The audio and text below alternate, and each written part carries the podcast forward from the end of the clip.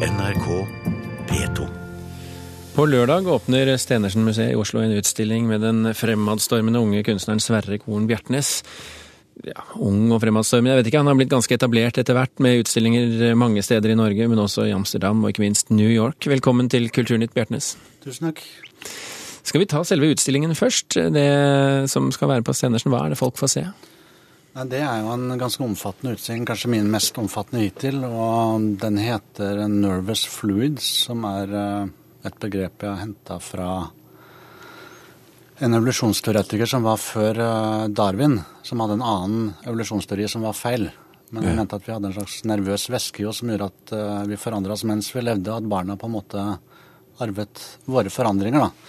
Så det, det jeg på en måte interesserer meg litt for i en utstilling her, er på en måte hva skjer med, med vitenskap når den er beviselig feil. Er det fortsatt vitenskap, eller har den en estetisk verdi, f.eks.? Så det er på en måte noe av utgangspunktet her. Så det er um, det her, Og, og hva, hva slags svar har du kommet med på, på det spørsmålet? Nei, saken er at f.eks. med sånn som med de nervøse væskene til Lamarck, så er det jo Det fungerer jo som, eh, som psykologi fungerer det jo. Altså vi opplever ting, forandrer oss, og de som kommer etter oss, eller barna våre, får også konsekvensen av det, på en måte. da. Så det han mente fysisk, det ser du som en metall... Det bruker jeg da som et mentalt bilde da, på forandring. Så veldig mye av mine arbeider dreier seg også om forandring. Er det, det er jo litt interessant, fordi at eh, både bildene dine og skulpturene på, også på denne utstillingen er jo selvfølgelig de, de stopper jo tiden, på sett og vis.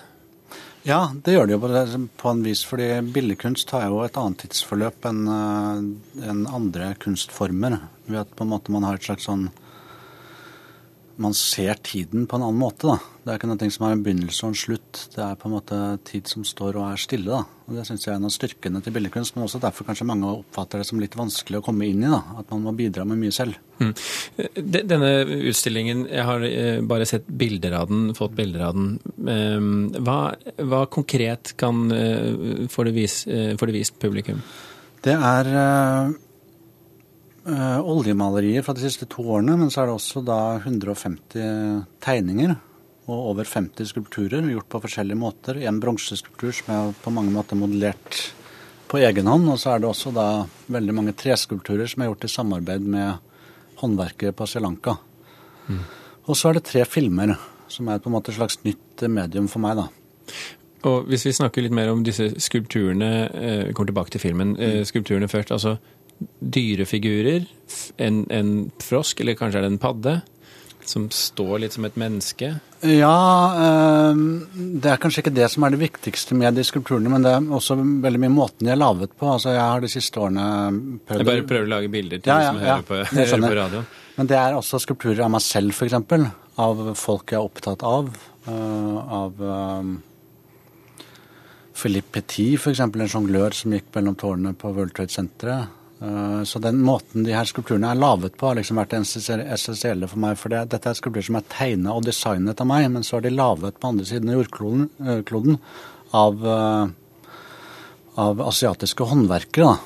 Så jeg har på en måte fått mine egne ideer oversatt gjennom en asiatisk kunsttradisjon, da, som jeg syns på en måte er det som er interessant for meg i det. Og hva har den asiatiske kunsttradisjonen gjort med din kunst?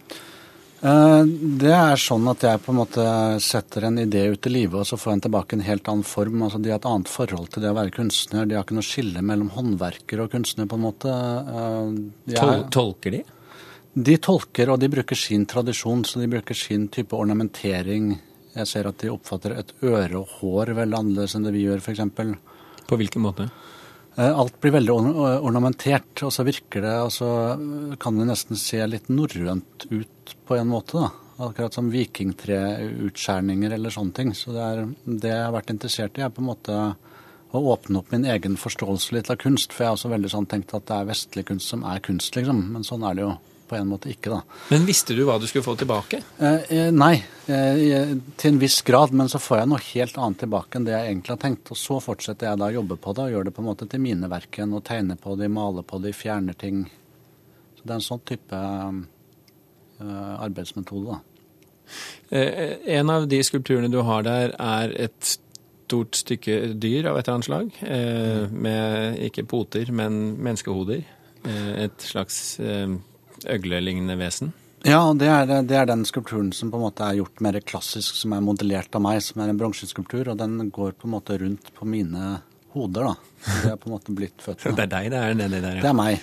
Uh, så jeg er, litt, jeg er, opptatt av at mine, mine, kunstverk på en måte ikke nødvendigvis skal ha en riktig eller feil lesning. Uh, jeg vet alltid hva jeg vil med en ting, men om noen kommer og ser det og får noe helt annet ut av det, så er det også greit, da. Men hva ville du med nettopp denne? Med denne her så er jeg, det er på en måte mer et slags sånn poetisk bilde av noen ting jeg også er veldig redd for. da. At uh, hierarkiet uh, blir feil. Altså For meg er det viktig at uh, menneskene rundt meg og livet er viktigere enn kunsten, på en måte. da. Fordi jeg har på en måte vært veldig Du er ikke noen kunstfundamentalist?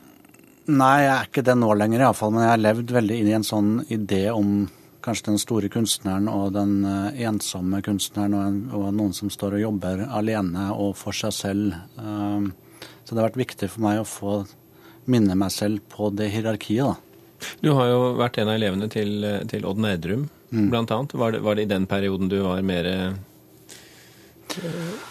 Nei, noe, altså jeg møtte Nerdrum da jeg var 13 år gammel. Uh, og hadde jevn kontakt med han frem til jeg var 18 år gammel og begynte på akademiet. Det begynner også å bli en, veldig, en stund siden. Men det er jo noen ting som mange Det er 20 år siden, det. Det er 20 år siden, og jeg har gjort veldig mye siden det. Men det er jo fortsatt noen ting som dukker ofte opp, da. Som jeg ikke har noe imot, men Det var siden du nevnte dette ensomme ja, ja, geniet. Ja, nei, den, eh, den, skolen har jo slags, et slags program som etter hvert kolliderte mye med det jeg eh, står for, da. Så det var på en måte noen ting som eh, ikke ble, som jeg ikke ble så knytta til på i den senere tiden, iallfall. Du nevnte dette med film. Du har jo også uh, filmer som skal vises frem uh, på Stenersen-museet. Uh, hvordan har det vært å jobbe med det? For det er vel noe du ikke har jobbet så mye med før? Det har ikke jeg jobba så mye med. Og forloven min, Hanna Maria Grønberg, er jo skuespiller, så jeg har på en måte kommet inn i dette her gjennom henne. da. Og også fått en slags innføring i hva det vil si å være skuespiller, og en slags større forståelse av det faget. da. Så det, det å lage film har egentlig vært en veldig sånn um, berikende prosess, for det er på en måte det motsatte av det jeg veldig ofte har gjort. Iallfall å stå alene på atelieret og jobbe og, og, bare være alene om mitt. Mens uh, film er en sånn veldig, veldig kollektiv uh, kunstform. Gleder du deg til lørdag? Jeg gleder meg til lørdag.